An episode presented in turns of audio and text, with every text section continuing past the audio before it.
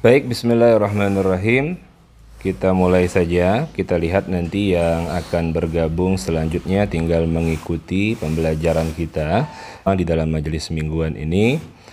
Allahumma salli ala Muhammadin miftahi bab rahmatillah adada ma fi ilmillahi salatan wa salaman daimaini bidawami mulkillahi wa ala alihi وأصحابه وأزواجه وذرياته أجمعين رب اشرح لي صدري ويسر لي أمري واحلل عقدة من لساني يفقه قولي Sebelum kita memulai kajian kitab ini, mari kita awali dengan membacakan Fatihah kepada muallif Al-Imam Abu Zakaria Yahya bin Sharaf An-Nawawi Mudah-mudahan keberkahan dari ilmunya dapat kita ambil ya manfaat dalam kehidupan kita dunia dan akhirat. Wa ala hadhihi niyya wa kulli niyatin salihah al-fatihah. A'udzu billahi minasyaitonir rajim bismillahirrahmanirrahim alhamdulillahirabbil alamin. Arrahmanir rahim maliki yaumiddin.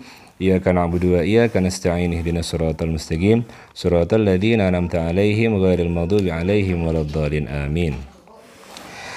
Ikhwah fillah ashabil kiram ya semuanya dalam rangka mengambil hikmah ayat Allah yang berbunyi radhiyallahu anhu qol qala Rasulullah sallallahu alaihi wasallam la yatam la yatamanna yanna ahadukumul maut lidurrin asabahu fa in kana la budda fa'ilan fal yaqul Allahumma ahyi ma kanatil hayatu khairan li wa tawaffani idza kanatil wafatu khairan li muttafaqun alaih Ikhwah fillah yang dirahmati Allah Subhanahu wa taala, bahwa sekali lagi saya akan mengulangi yang namanya hadis itu terdiri dari sanad, matan dan rawi ya.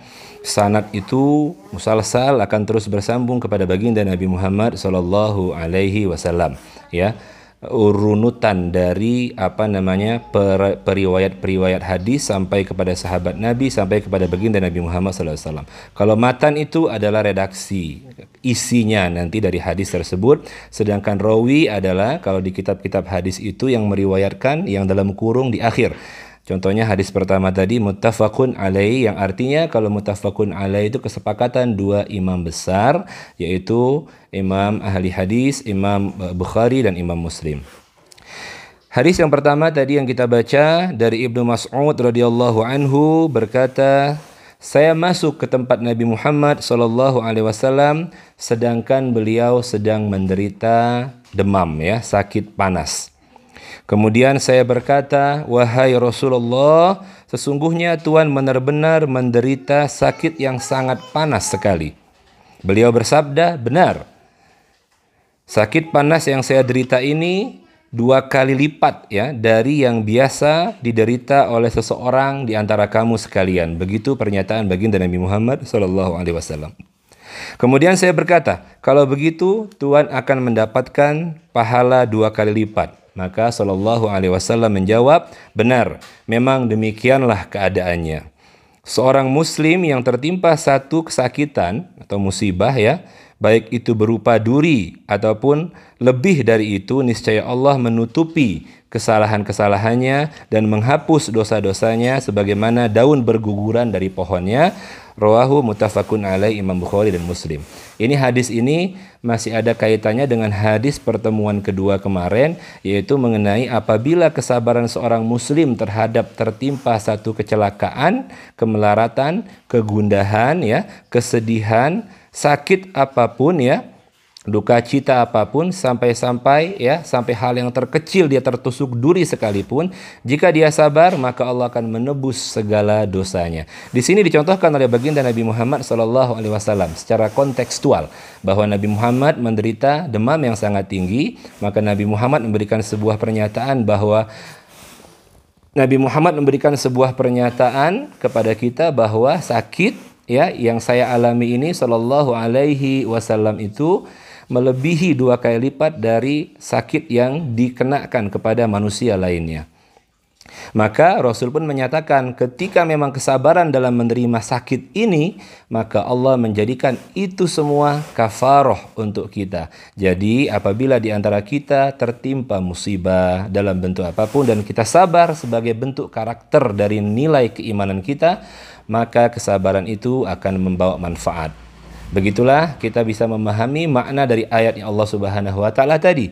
Ya ayyuhalladzina amanu, orang-orang beriman yang memiliki karakter isbiru wasabiru, bersabarlah dan menjaga ya, menjaga kesabaran tersebut. Kemudian dilanjutkan dalam hadis yang kedua yang kita bacakan dari riwayat Abu Hurairah radhiyallahu anhu bahwa Rasulullah sallallahu alaihi wasallam bersabda, Barang siapa yang dikehendaki oleh Allah menjadi orang baik, ya, maka ia akan selalu, maka dia akan ditimpakan musibah atau ujian kepadanya. Hadis riwayat Imam Bukhari. Ini biasanya kalau kita masyhur hadis yang didengar, man yuridillah bihi khairan yufaqihu fiddin. Ini umum, biasanya tentang menuntut ilmu. Barang siapa orang dikehendaki oleh Allah kepadanya kebaikan, maka orang tersebut akan didekatkan kepada agama. Begitu ya. Ini masyhur ya. Ini hadis masyhur. Orang yang ingin didekatkan oleh Allah untuk dirinya itu kebaikan, maka dia akan dicondongkan hatinya kepada agama. Namun pada hadis ini, ini kita ambil hikmah. Orang yang dikehendaki oleh Allah untuk menjadi orang baik, maka ya orang yang dikehendaki oleh Allah Subhanahu wa taala untuk menjadi orang baik, maka dia akan ditempakan musibah sebagai ujian kualitas keimanan kepadanya. Jadi memang betul ada ayat Allah Subhanahu wa taala yang akan berkaitan dengan ini. Tidaklah kata Allah orang yang mengaku beriman kepadaku ya kecuali aku akan memberikan ujian kepadanya. Jadi kualitas keimanan itu tidak apa? Tidak sembarangan ya. Banyak sekali di dalam ayat-ayat Al-Qur'an itu selalu karakter keimanan itu berkaitan dengan hal-hal tertentu. Nah, jadi di sini sekali lagi dalam majelis kita mingguan ini bab kesabaran yang kita bahas ini ya merupakan salah satu karakter dari seorang muslim ya yang mukmin adalah selalu menjaga senantiasa kesabaran dalam kualitas kehidupan dirinya. Insya Allah kita semua, saya ya, semua dalam majelis ini, mustamiin semuanya, kita senantiasa memaintenance, menjaga kesabaran itu. Ternyata yang namanya kesabaran itu butuh latihan, tadrib ya. Tidak hanya sekedar diucapkan, oh sabar, oh saya bisa sabar, saya mampu sabar. Tapi butuh apa? Butuh latihan. Kemudian pada hadis yang ketiga, sallallahu alaihi wasallam bersabda dari Anas radhiyallahu anhu berkata Rasulullah sallallahu alaihi wasallam bersabda, "Janganlah salah seorang ya, janganlah perhatikan, janganlah salah seorang di antara kamu sekalian menginginkan kematian datang kepada dirinya." Nah, ini berkaitan dengan bab sabar dan keputusasaan. Hati-hati ini, apalagi kita di tengah uh, pandemi, de dekat dengan keputusasaan, tekanan perekonomian dan lain-lain. Janganlah di antara kamu sekalian menginginkan mati ya di saat tertimpa kesulitan. Seandainya ia terpaksa. Nah, di sini ya matanya berbunyi seandainya jika harus terpaksa berbuat demikian, maka ya maka Nabi Muhammad Sallallahu Alaihi Wasallam memberikan satu doa Doanya yang harus dibaca ketika hati kita menginginkan kematian karena kita dalam kesulitan, artinya dekat dengan putus asa, maka doa yang harus dibaca adalah Allahumma ahyi maka natil hayatu khairan li wa tawaffani idza kanatil wafatu khairan li muttafaqun alaih. Yang artinya dari doa itu wahai Allah, wahai Allah, langsungkanlah, panjangkanlah Itulah kan ya. Panjangkanlah hidupku ini apabila hidupku ini lebih baik bagi diri saya dan watawafani dan wafatkanlah saya apabila wafat itu ya merupakan yang terbaik untuk saya. Jadi dalam agama Islam, di dalam agama Islam kita kita tidak mengenal istilah putus asa. Wala tayasu mir rahmatillah. Bahkan haram hukumnya orang itu melakukan bunuh diri, ya seperti yang baru-baru ini, buronan kabur dari lapas Tangerang sudah sudah kabur begitu ya. Kemudian setelah sebulan dia ditemukan gantung diri, nah, mengakhiri hidupnya gitu kan. Nah, di, di tengah pandemi, di tengah krisis ekonomi, tekanan sosial dan lain-lain, di sinilah kualitas kesabaran kita ya sedang diuji, kualitas keimanan kita sedang diuji, kualitas kehidupan kita berkeluarga, bersosial itu sedang diuji, di dalam pekerjaan juga sedang diuji. Bagaimana ya? Apakah kita termasuk kualitas orang yang beriman atau kita justru melenceng dari kualitas keimanan tersebut? Jadi jika ada manusia mukmin sekali lagi, jika ada manusia mukmin di antara kita dekat dengan dengan keputusasaan, maka Rasul memberikan satu doa. Justru kita tidak boleh meminta kematian datang kepada kita atau berputus asa atau melakukan mengakhiri hidup kita. Tetapi justru yang kita lakukan adalah berdoa, Ya Allah, apabila hidupku ini bermanfaat untukku, maka panjangkanlah hidupku ini. Maka apabila kematian itu merupakan kehendak yang memang terbaik, maka itulah yang akan terjadi. Seperti itulah sekiranya tertanam ya, Sebaiknya seperti itulah juga kita tertanam kepada diri kita kalau kita sedang dalam kondisi sakit. Orang tua kita, kakek nenek kita ketika dalam sakit, makanya senantiasa diingatkan doa ini. Jadi jangan didekatkan dengan keputusasaan. Kita sedang sakit, ingat. Sakit kita ini ketika kita sabar akan membawa kafaroh. Kafaroh itu apa? Mencabut dosa-dosa kita. Dan sekiranya sakit kita ini akan berdampak menurut keilmuan kita adalah dekat dengan kematian, maka sebaik-baiknya kita bukan berputus asa, tapi berdoa, meminta kepada Allah, jika hidupku ini lebih baik ya Allah, maka panjangkanlah umurku. Jadi berdasarkan hadis ini, kita diperbolehkan untuk meminta ya, kita diperbolehkan kita diperbolehkan untuk meminta panjang umur kepada Allah Subhanahu wa taala untuk keberkahan hidup, untuk taat kepada Allah dan Rasul. Jika tidak, maka kita akan diwafatkan ya meminta kepada Allah Subhanahu wa taala agar tetap terjaga dalam nilai-nilai keimanan. Itulah tiga hadis pertama, maka akan saya lanjutkan kepada hadis berikutnya. Wa an Ibnu Mas'ud radhiyallahu anhu qala lamma kana yaumul hunain athara Rasulullah sallallahu alaihi wasallam nasan ya nasan fil qismati فأعطى الأقرع بن حابس مئة من الإبل وأعطى أنينة بن حسن مثل ذلك أو أعطى ناسا من أشرف العرب وأثارهم يومئذ في القسمة.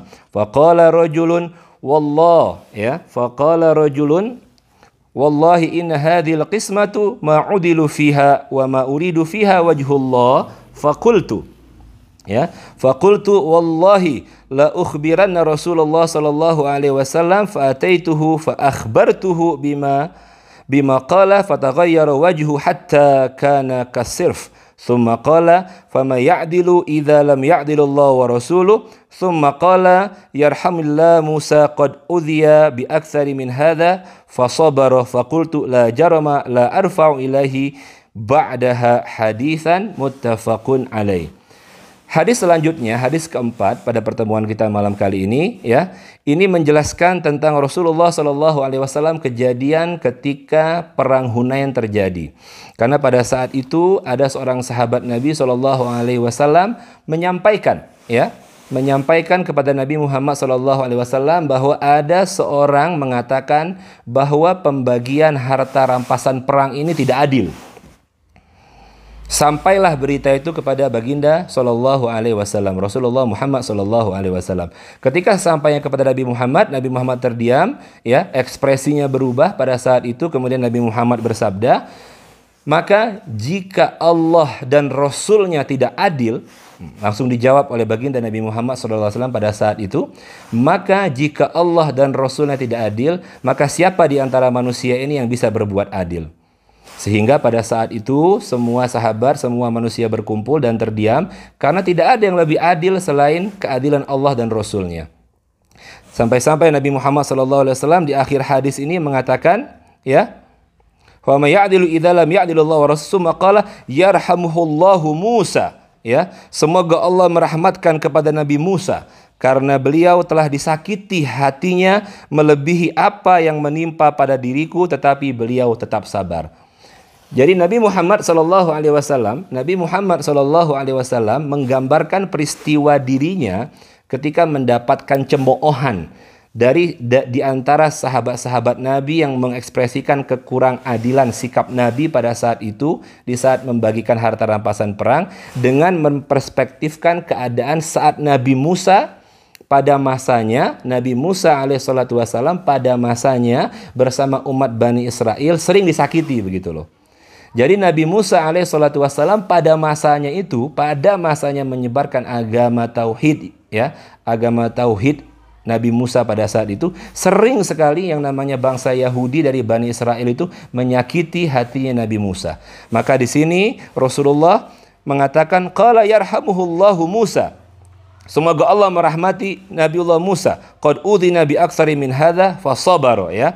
Yang telah banyak tertimpakan ya disakiti melebihi apa yang menimpa pada diriku. Jadi memberikan sebuah perumpamaan musibah atau atau tuduhan yang dituduhkan kepada Nabi Muhammad ini perbuatan sabar yang dilakukan oleh Nabi Muhammad ini terhadap tuduhan dari sahabatnya yang mengatakan Nabi Muhammad tidak adil dengan mencontohkan sifat Nabi Musa yang sabar ya lebih sabar dan lebih besar musibahnya ketimbang dengan tuduhannya sahabat kepada Rasul Shallallahu Alaihi Wasallam.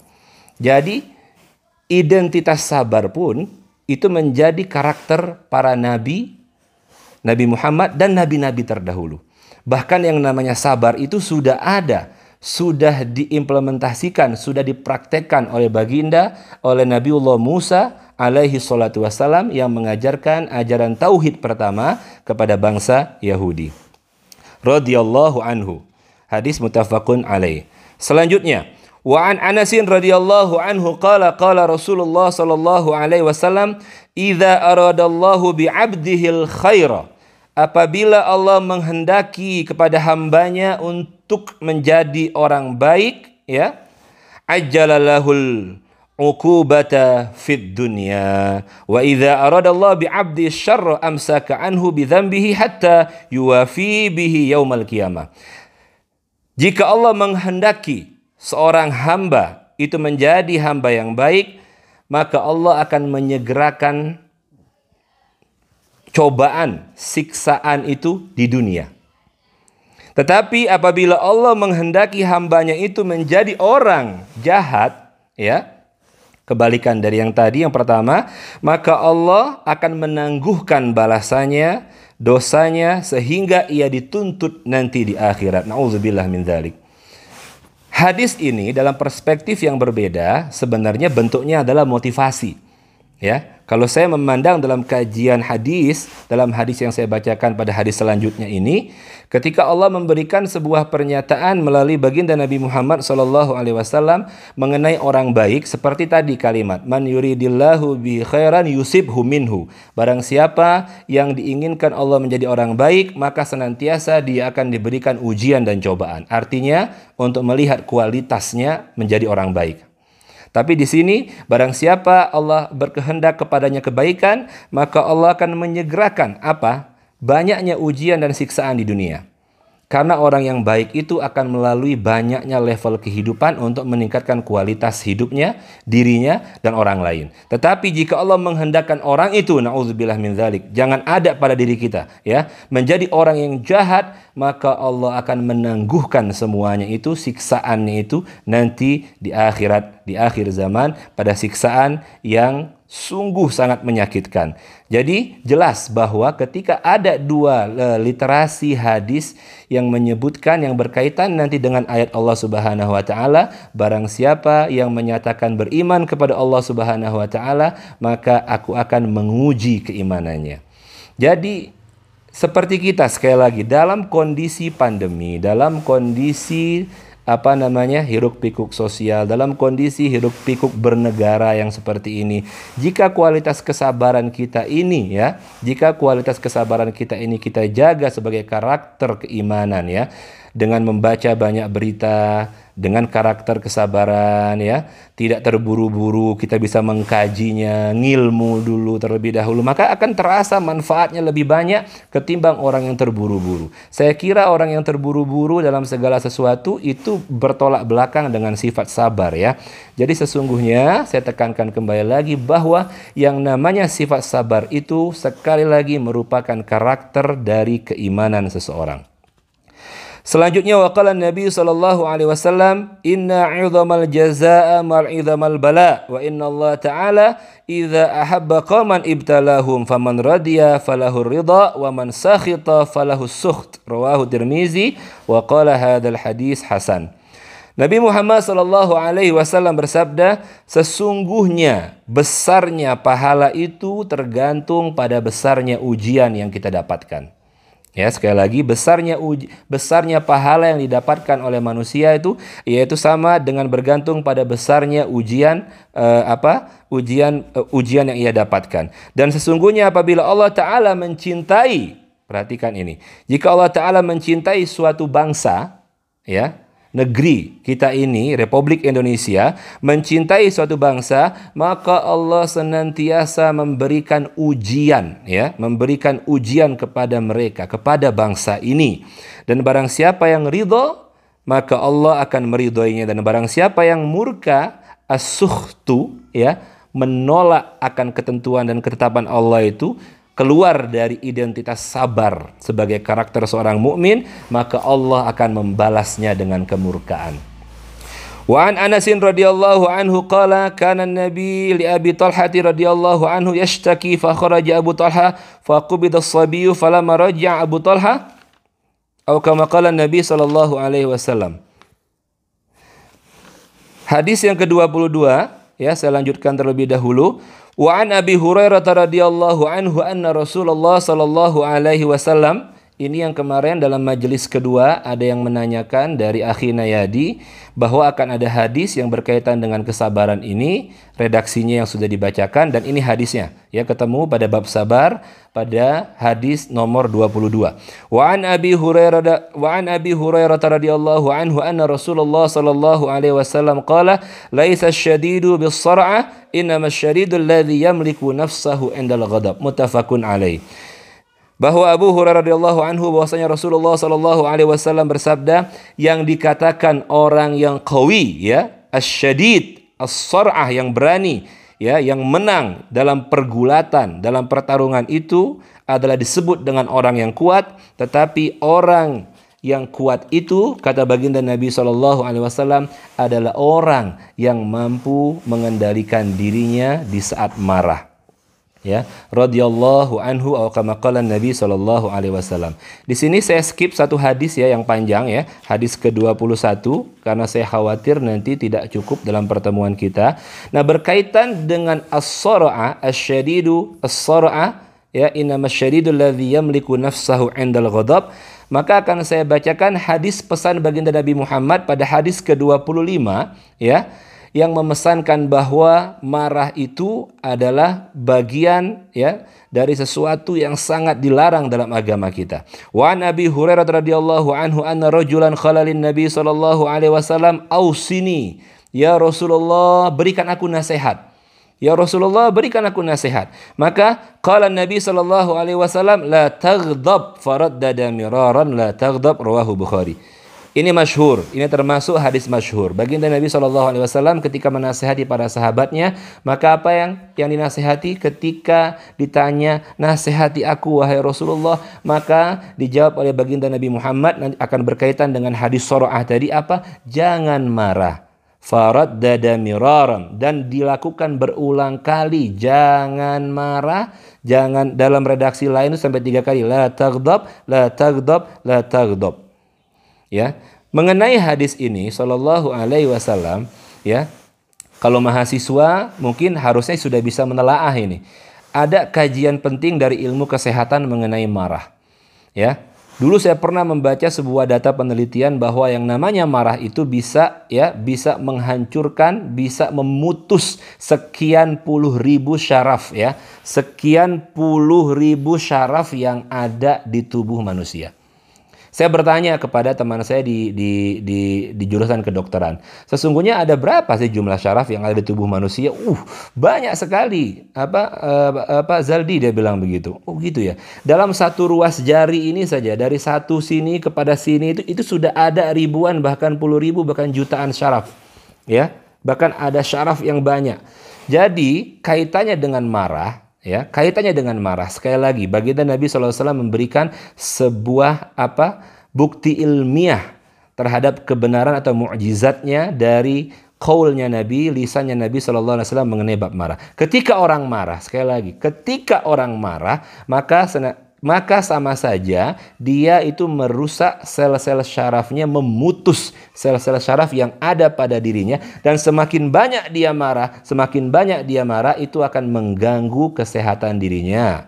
Sehingga wajar ketika orang sudah marahnya itu sudah keterlaluan, marahnya dipelihara, hidupnya penat dengan selalu marah, tersinggung, emosi, nanti akan menyulut eh, sifat-sifat uh, lainnya, hasud, iri, dengki kembali kepada marah. Nanti lama-lama ya, jangan bilang ini keturunan nantinya ya, jangan bilang ini penyakit keturunan. Kalau ketur, penyakit keturunan ya pasti gitu kan ya. Kalau nggak kalau kita tidak melatihnya maka kita akan me, mendapatkan penyakit tersebut. Tapi jika kita sehat, baik-baik saja, terbiasa memelihara kemarahan, maka apa akibatnya? Akibatnya apa? Wajar seorang manusia akan mendapatkan penyakit stroke. Wajar seorang manusia akan mendapatkan uh, sakit jantung, kaget, dia pingsan. Kenapa? Karena terbiasa mengolah rasa emosi di dalam dirinya. Sedangkan baginda Nabi Muhammad SAW menyatakan bahwa yang namanya marah itu sangat dilarang. Bahkan Nabi mengulangnya sampai tiga kali ya. Tiga kali dalam satu kali dalam dalam satu hadis. La taghdab, la taghdab, la taghdab. Wallahu a'lam bisawab. Baik, sudah lima ya. Sudah lima lebih hadis yang sudah dibahas dalam pertemuan malam ini. Bab sabar terdiri dari tiga segmen. Mungkin baru ada yang bergabung di dalam majelis ini, mingguan ini. Apabila selanjutnya ada yang ingin ditanyakan para mustami'in mengenai konsekuensi sabar sebagai uh, karakter seorang yang beriman, saya persilahkan kepada penanya.